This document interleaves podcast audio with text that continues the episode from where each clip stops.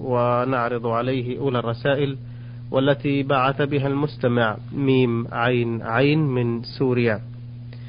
يقول أنا والحمد لله مسلم أقوم بواجبات الدينية على أكمل وجه. أصلي وأصوم وأقرأ القرآن. ولكنني في هذا العام حصل بيني وبين زوجتي سوء تفاهم.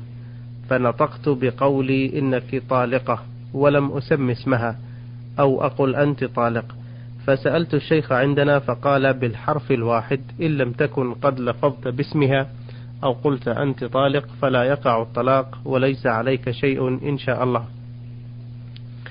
وفي المرة الثانية كنت مريضا في غاية المرض وعلى الفراش وحدث خلاف أيضا بيني وبينها فقلت أنت طالق طالق طالق وأنا في حالة عصبية شديدة لأنها تدعو علي بعدم الشفاء.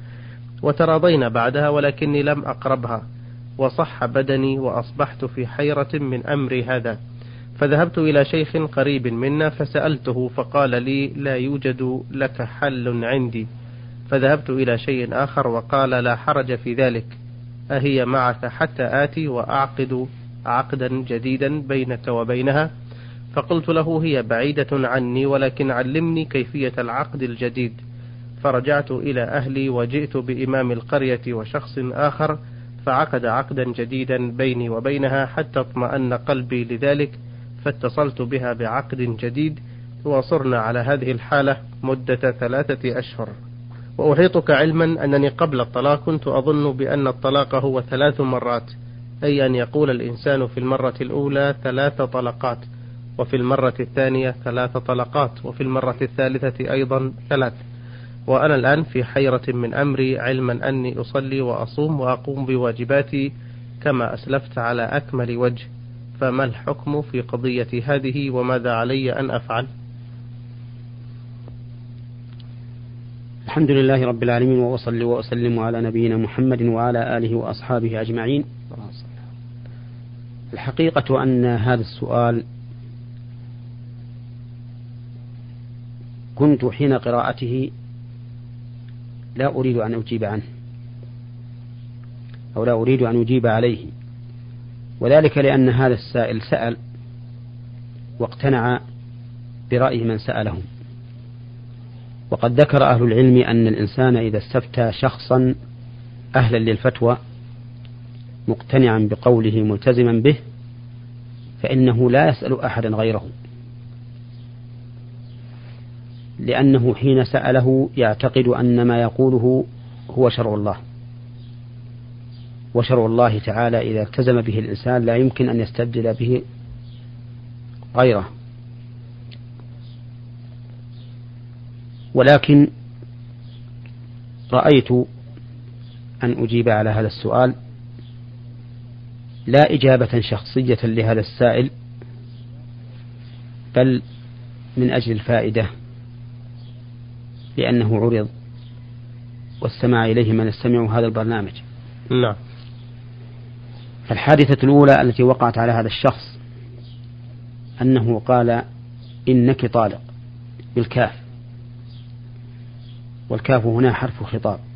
نعم. ولا شك أنه يريد بحرفه الخطاب يريد زوجته. وإذا كان كذلك فإنها تكون طالقا. سواء أتى بالضمير المنفصل وهو أنت طالق أو أتى بالضمير المتصل وهو إنك طالق. أو سماها. بل إنك طالق أبلغ من أنت طالق. نعم. لأن الجملة هنا مؤكدة بإن بخلاف أنت طالق. والضمير في أنت طالق كالضمير في إنك طالق لأن كليهما ضمير مخاطب. وكذلك إذا سمى زوجته فقال زوجتي فلانة طالق وإن لم تكن حاضرة فإنها تطلق. وعلى هذا فتكون فتوى من أفتاك في المسألة الأولى بأن زوجتك لم تطلق فتوى غير صحيحة. وأما الحادثة الثانية فقد ذكر أنه كان مريضا فأغضبته غضبا شديدا حتى نطق بقوله أنت طالق طالق طالق. نعم. ثم ذهب إلى شيخ يسأله وظاهر فتوى الشيخ أنه حكم ببينونتها وأنه لا بد من عقد. وعلى كل حال فإننا نقول في جواب هذه الحادثة إذا كان الغضب شديدا بحيث لا يدري ما يقول فإن طلاقه لا يقع. بل حتى لو كان يعي ما يقول لكن الغضب أرغمه وحمله حتى لا يستطيع أن يمنع غضبه فقال بالطلاق فإنه لا يقع طلاقه على القول الصحيح. وذلك لقول النبي عليه الصلاة والسلام لا طلاق في إغلاق ولأن هذا إكراه نفسي باطني فيشبه الإكراه الخارجي من أحد غير الزوج. أما إذا كان الغضب لا يبلغ إلى هذا الحد فإن الطلاق يقع.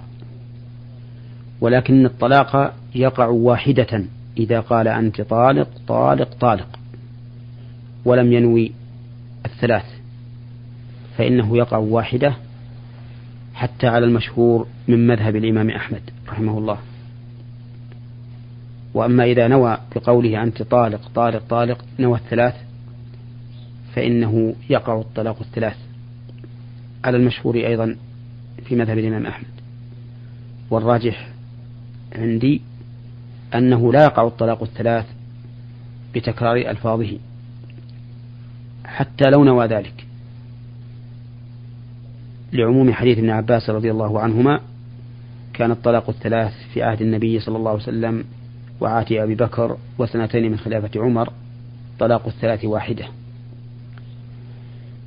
ولأن الإنسان إذا طلق طلقة عقب طلقة فقد طلق لغير العدة. وقد قال الله تعالى يا أيها النبي إذا طلقتم النساء فطلقوهن لعدتهن.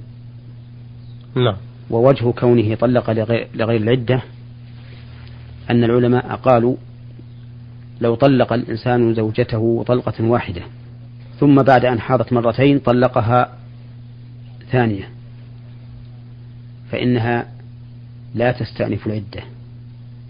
بل تبني على العدة الأولى.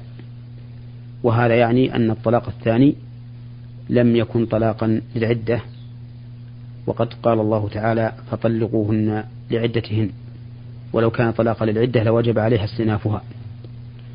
فالقول الراجح هو أن تكرار الطلاق يعني تكرار ألفاظه لا يتكرر به لا, يتك لا يتكرر به الطلاق. وهذا القول هو اختيار شيخ الإسلام ابن تيمية رحمه الله. وهو الذي يدل عليه ظاهر حديث ابن عباس. وعلى هذا فتكون هذه الزوجة التي طلقتها بقولك أنت طالق طالق طالق. إن كانت في العدة فإنها لا تحتاج إلى عقد. وإن كانت بعد انتهاء العدة فإنها تحتاج إلى عقد. هذا الجواب الذي قلته ليس جوابا شخصيا لهذا الرجل ولكنه جواب علمي. عن مثل هذه الحادثة لأني لا أحب أن أفتي بشيء أفتى به أحد قبلي لأن ذلك يحصل فيه تذبذب للعامة إذا اختلفت الفتوى نعم. وتردد وشك. نعم. بارك الله فيكم. هذا السؤال للمستمع علي إبراهيم صومالي مقيم بجمهورية تنزانيا. يقول نعلم أن الرسول صلى الله عليه وسلم قد تزوج تسع نساء معا فما هي الحكمة في ذلك مع أن شرعه صلى الله عليه وسلم لا يبيح لغيره جمع أكثر من أربع نساء؟ وكيف أن ابنه إبراهيم من مارية القبطية مع أنها ليست من زوجاته أم أنها أمة كان يملكها صلى الله عليه وسلم؟ نعم. من المعلوم أن الرسول عليه الصلاة والسلام توفي عن تسع نساء. نعم. وكان عليه الصلاة والسلام قد تزوج خديجة أم المؤمنين وهي أول امرأة تزوج بها ورزق منها أولاده ورزق منها أولاده سوى إبراهيم. وتزوج أيضا زينب بنت خزيمة ولكن هاتين المرأتين توفيتا قبله صلى الله عليه وسلم. أما اللاتي توفي عنهن فهن تسع وهذا من خصائصه صلى الله عليه وسلم في النكاح والحكمة من إباحة أكثر من أربع للنبي عليه الصلاة والسلام لأنه صلى الله عليه وسلم باتصاله بهن يكون فيه شرف لهن ولقبائلهن ولأنه باتصالهن باتصاله بهن يكثر العلم لأن كل واحدة منهن عندها من العلم ما لا يكون عندها لو لم تكن زوجة له. نعم. ولله عز وجل أن يخص من شاء من خلقه بحكم من الأحكام لسبب من الأسباب. وكما خصه الله عز وجل بجواز زيادة الأربع فقد خصه بجواز التزوج بالهبة بأن تأتي امرأة وتقول إني قد وهبت نفسي لك يا رسول الله فيأخذها فتكون زوجة له بذلك كما قال الله تعالى يا أيها النبي إنا أحلنا لك أزواجك التي آتيت أجورهن وما ملكت يمينك مما أفاء الله عليك وبنات عمك وبنات عماتك وبنات خالك وبنات خالاتك اللاتي هاجرن معك وامرأة مؤمنة إن وهبت نفسها للنبي إن أراد النبي أن يستنكحها خالصة لك من دون المؤمنين. نعم. فبين الله عز وجل أن ذلك خاص به دون المؤمنين. والحكمة من ذلك والله أعلم هو ما أشرنا إليه من قبل. من أجل أن يتيسر النكاح للنبي صلى الله عليه وسلم حتى يتزوج بدون مهر وبدون عناء إذا شاء. وذلك للمصالح التي أشرنا إلى شيء منها فيما سبق. نعم. وأما كون ولده يأتيه من سريته فإن هذا أمر لا يسأل عنه. لأن هذا بقضاء الله وقدره. فكما أنه عليه الصلاة والسلام لم يولد له من زوجته عائشة وقد تزوجها بكرا ولا من زوجاته الأخر سوى خديجة وقد تزوجهن ثيبات. فإننا لا نقول لماذا لم يولد له من تلك النساء وولد له من خديجة ومن ماريا. ولله تعالى الحكمة فيما شاء. يخلق ما يشاء يهب لمن يشاء إناثا ويهب لمن يشاء الذكور أو يزوجهم ذكرانا وإناثا ويجعل من يشاء عقيما. ولعل من الحكمة أن الله عز وجل جعل له أولادا من صنفين من المحللات له صنف الزوجات الأحرار وصنف المملوكات الإماء. نعم. نعم. في الواقع له سؤال آخر ولكن تضمنته إجابتكم هو حول الآية التي تقول وامرأة مؤمنة إن وهبت نفسها للنبي إلى آخر الآية. يقول من هي هذه المرأة وما هي قصتها؟ امرأة مؤمنة هذه نكرة. نعم. لا تخص امرأة بعينها. ولكن مع ذلك قد حصل أن امرأة جاءت إلى النبي عليه الصلاة والسلام فقالت يا رسول الله إني وهبت نفسي لك. فردد فيها النظر عليه, النظر عليه الصلاة والسلام ولكنها لم تعجبه. فقام رجل فقال يا رسول الله إن لم يكن لك بها حاجة فزوجنيها. إلى آخر الحديث. وهو نعم. ثابت في الصحيحين من حديث سهل بن سعد رضي الله عنه. وأما الآية فلا تدل على امرأة معينة. نعم. جزاكم الله خيرا. هذه رسالة من المستمع رمز لاسمه بالأحرف حاء فاء عين مصري مقيم بالمملكة. يقول لي قريبة تسكن بجوارنا مع أهلها وكنت أزورهم بحكم قرابتي لهم. كيف؟ نعم. يقول لي قريبة تسكن بجوارنا مع أهلها وكنت أزورهم بحكم قرابتي لهم وكانوا يلاحظون أن هناك رغبة عندي لخطبة هذه الفتاة بعد نهاية دراستي الجامعية. وهي كانت تعرف ذلك ولكن بعد نهاية دراستي دخلت الجيش لأداء الخدمة العسكرية. فكانت فترات انقطاعي عن زيارتهم تطول. وفي إحدى المرات التي كنت غائبا فيها تقدم أحد أقربائي لخطبة هذه الفتاة. ونظرا لغيابي فقد وافقت على الخطوبة وما أن علمت بما حدث حتى أرسلت لها و أحد الأقارب سرا لكي يوضح لها موقفي وأن غيابي كان لعذر خارج عن إرادتي. فما كان منها إلا أن رفضت هذا الشخص الذي تقدم لخطبتها وكان الرفض قبل عمل أي شيء. وفي هذا الوقت لم أكن أؤدي الصلاة وكذلك كانت قراءتي الدينية محدودة ومعرفتي بالأحكام الفقهية ضحلة. المهم بعد أن فسخت خطوبتها ذهب قريبي هذا وخطب فتاة أخرى وكتب كتابه عليها. أما أنا فقد هداني الله إلى الصراط المستقيم وبدأت أصلي وأقرأ باهتمام في كتب الفقه والحديث. إلى أن قرأت حديثا للرسول صلى الله عليه وسلم ينهى فيه عن خطبة الأخ على أخيه. وهنا بدأت أحس بالندم على ما فعلت عن جهل. وبسبب وسوسة الشيطان أيضا وأنا أجتهد في العبادة وأدعو الله بقبول توبتي وأن يغفر لي ما فعلت. فسؤالي هو أنني سافرت إلى المملكة بعد هذا الموضوع مباشرة والفتاة ما زالت تنتظرني حتى أرجع وأخطبها. لكني لا أدري ما هو الصواب من ناحية الشرع حتى لا أخطئ مرة أخرى. فهل أخطبها أم لا؟ وهل هناك ذنب علي فيما فعلت؟ ما دمت قد تبت إلى الله عز وجل وأنت حين أخبرتها بأنك تريدها بعد أن خطبها الأول حتى رفضت الزواج به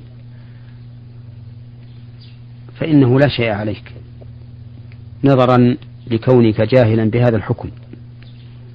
وحق الرجل الخاطب الآن انتفى برده وهو أيضا قد من الله عليه فتزوج فاستمر الآن على هذه المرأة وأعقد النكاح عليها ولا حرج في ذلك ونسأل الله أن يتوب علينا وعليك. اللهم آمين. بارك الله فيكم. السؤال التالي للمستمع الطيب علي الصادق سوداني مقيم بالدوادمي. يقول عندي مبلغ من المال أعطيته أحد الإخوان ليشتغل به في التجارة. واتفقنا على أن الفائدة تكون بيننا. فما الحكم في ذلك؟ هل حلال أم حرام؟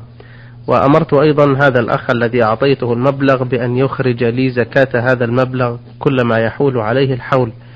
فالتزم لي بذلك ولكن مضت عليه سنتان لم أعرف عنه شيئا هل أخرجها أم لا. فما الحكم بالنسبة إلي أنا إذا كان لم يخرجها؟ هل يجب علي إخراجها أم لا؟ هذا السؤال تضمن مسألتين المسألة الأولى هل هذه المعاملة الصحيحة وهي أن تعطي شخصا مالا يتجر به وما حصل من الربح فهو بينكما. والجواب على ذلك أن هذه معاملة صحيحة وهي جائزة بالإجماع.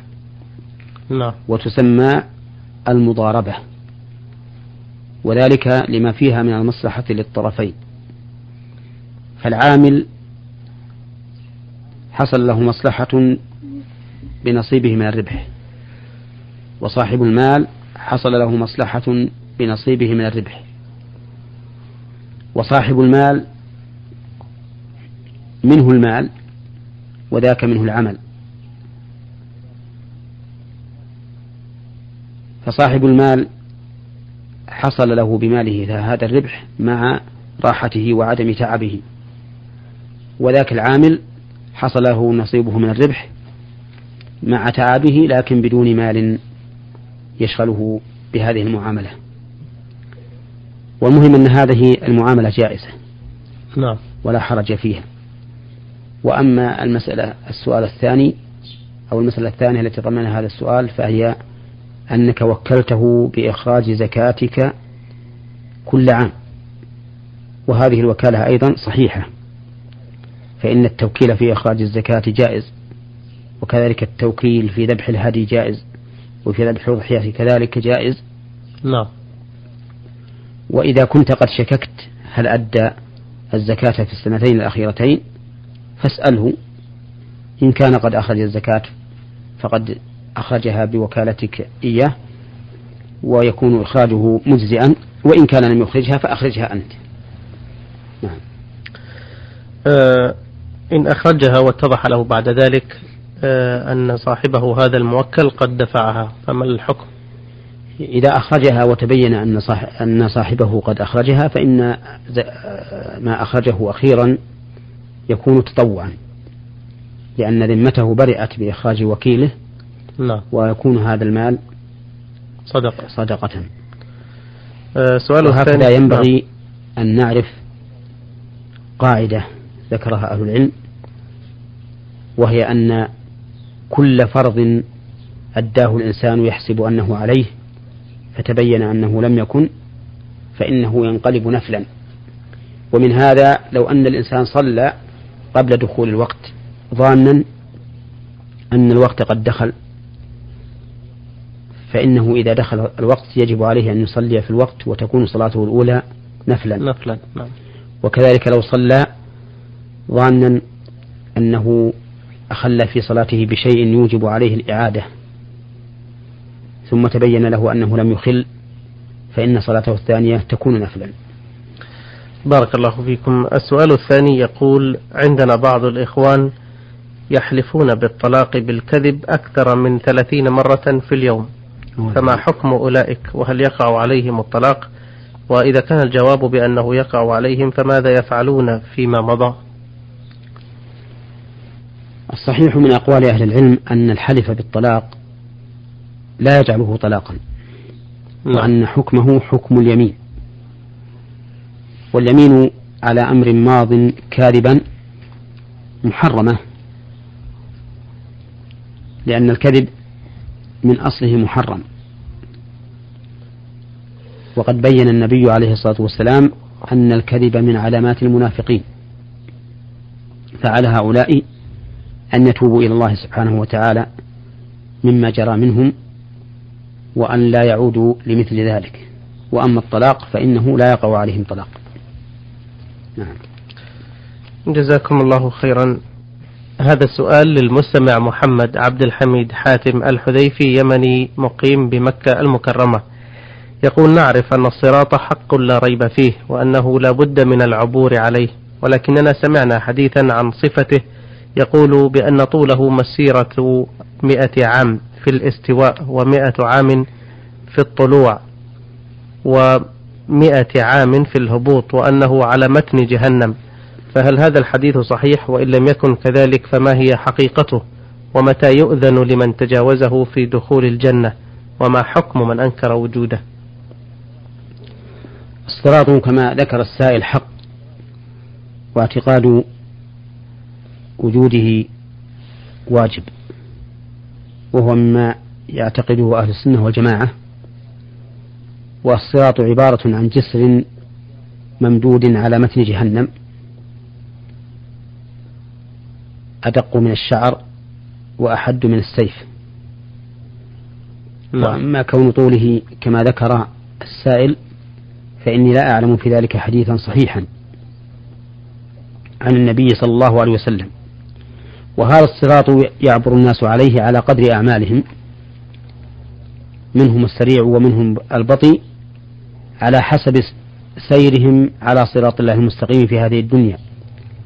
فمن كان مستقيما على الصراط في هذه الدنيا مسابقا إلى الخيرات كان مستقيما على صراط الآخرة سابقا فيه. ومن كان دون ذلك كان دون ذلك. وربما يمر بعض الناس به فيلقى في جهنم ويعذب فيها بقدر عمله ثم ينجو. وأما الكافرون فإنهم لا يعبرون على هذا الصراط وإنما يحشرون إلى جهنم وردا كما قال الله عز وجل بدون أن يعبروا على ذلك الصراط لأنهم لم يكونوا عابرين على الصراط في هذه الدنيا فيكون جزاؤهم أن يحشروا إلى النار بدون أن يعبروا على هذا الصراط. وأول من يجوز بأمته محمد صلى الله عليه وسلم.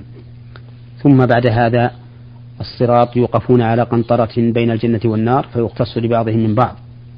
ثم يدخلون الجنة بعد أن يشفع النبي عليه الصلاة والسلام إلى ربه في فتح أبواب الجنة. فيشفع إلى الله عز وجل أن تفتح أبواب الجنة فتفتح ويكون أول ما يدخلها محمد محمدا صلى الله عليه وسلم. نعم. ويقول ما حكم من أنكر وجوده؟ حكم من أنكر وجوده إن كان جاهلا فإنه يعلم حتى يتبين له. نعم.